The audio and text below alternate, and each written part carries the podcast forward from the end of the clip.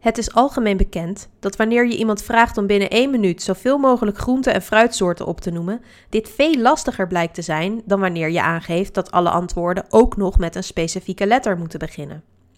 Anders geformuleerd, soms helpt het om binnen bepaalde restricties te opereren, zodat je hersenen niet in een stuip schieten en er door de keuzestress niets zinnigs meer uitkomt.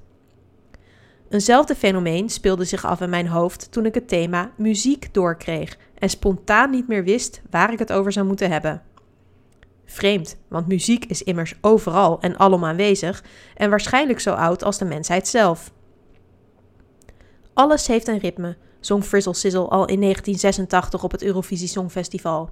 Een feit dat bevestigd wordt door het gegeven dat al in de vijfde eeuw voor het begin van onze jaartelling zingzangende Griekse rapsoden de competitie met elkaar aangingen om het metrum van de Ilias en Odyssee aan elkaar te rijgen tot een meerdaagse slam poetry performance waar je bij geweest moest zijn. 1986, dat was ook het jaar waarin wij onze laatste langspeelplaat in huis haalden in het kader van de Platentiendaagse, getiteld warm aanbevolen 1986, met daarop onder andere het nummer Reach van Gerard Joling.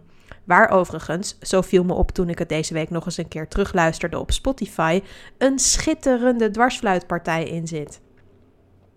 De jaren 80 waren überhaupt gouden tijden voor dit prachtinstrument, mede dankzij Berdien Stemberg, die in 1983 zowaar een nummer 1 hit scoorde in de top 40 met Rondo Russo, een gepimpte versie van het slotstuk uit het concert in E mineur van Saverio Mercadente. Ze hielpen een hele generatie jonge meiden, inclusief ondergetekende, mee aan de dwarsfluit. Het instrument raakte later wat in de vergetelheid. Volledig onterecht, als u het mij vraagt elk zichzelf respecterend nummer, ja, ik heb het over jou, Land Down Under van Man at Work, heeft immers een goede fluitsolo. Gelukkig maakte ik zelf een kortstondige revival mee toen ik eind jaren 90 van de vorige eeuw in een funkband in Los Angeles speelde, waarbij ik na optredens ineens visitekaartjes kreeg toegespeeld van weliswaar zeer hippe, maar toch ook wat vage muziekproducers met de veelbelovende woorden: Girl, you rock that flute. Goed, Muziek dus. Je kunt er alle kanten mee op. Hoe kan het bijvoorbeeld dat je bij het luisteren naar een plaat, mixtape of CD in die luttele seconde stilte tussen twee nummers in precies kunt voorspellen welk volgend intro er aankomt? En hoe kan het dat ik als ik s'avonds in het donker naar huis fiets en een volle maan aan de hemel zie staan, mijn stem spontaan Moon River begint te zingen? Welke zenuwcellen en synapsen worden er dan getriggerd in mijn hoofd? Om toch iets van focus aan te brengen, wil ik het daarom vandaag graag hebben over de plaats van muziek in het fundamenteel wetenschappelijk onderzoek.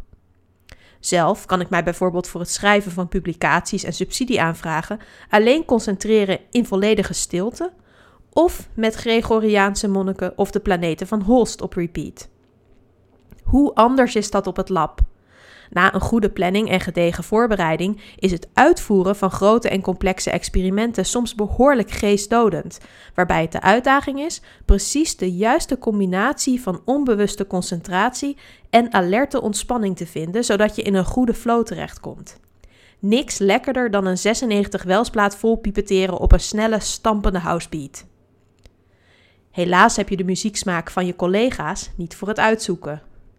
Zo vermoed ik dat er binnen ons lab op dit moment een tweespalt dreigt te ontstaan tussen liefhebbers van de betere Zweedse popmuziek en een minderheid van ABBA-haters. Een categorie mensen waarover duidelijk een steekje aan los is.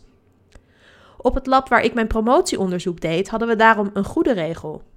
Iedereen mocht een CD met muziek naar keuze opzetten en die CD moest vervolgens door de rest ook helemaal worden afgeluisterd. Zodra de laatste noten wegstierven, ontstond er een run op de CD-speler om nu eens iets naar eigen smaak te kunnen draaien. Zo maakte ik kennis met de onvolprezen Nederlandse band Johan, hoorde ik meer Ramstein dan me lief was en ontdekte ik de prachtige soundtrack van The Cook, The Thief, His Wife and Her Lover. Over één ding zijn we het op het lab gelukkig al jaren eens. Kerstfeest met Bert en Ernie. Daar wordt iedereen vrolijk van.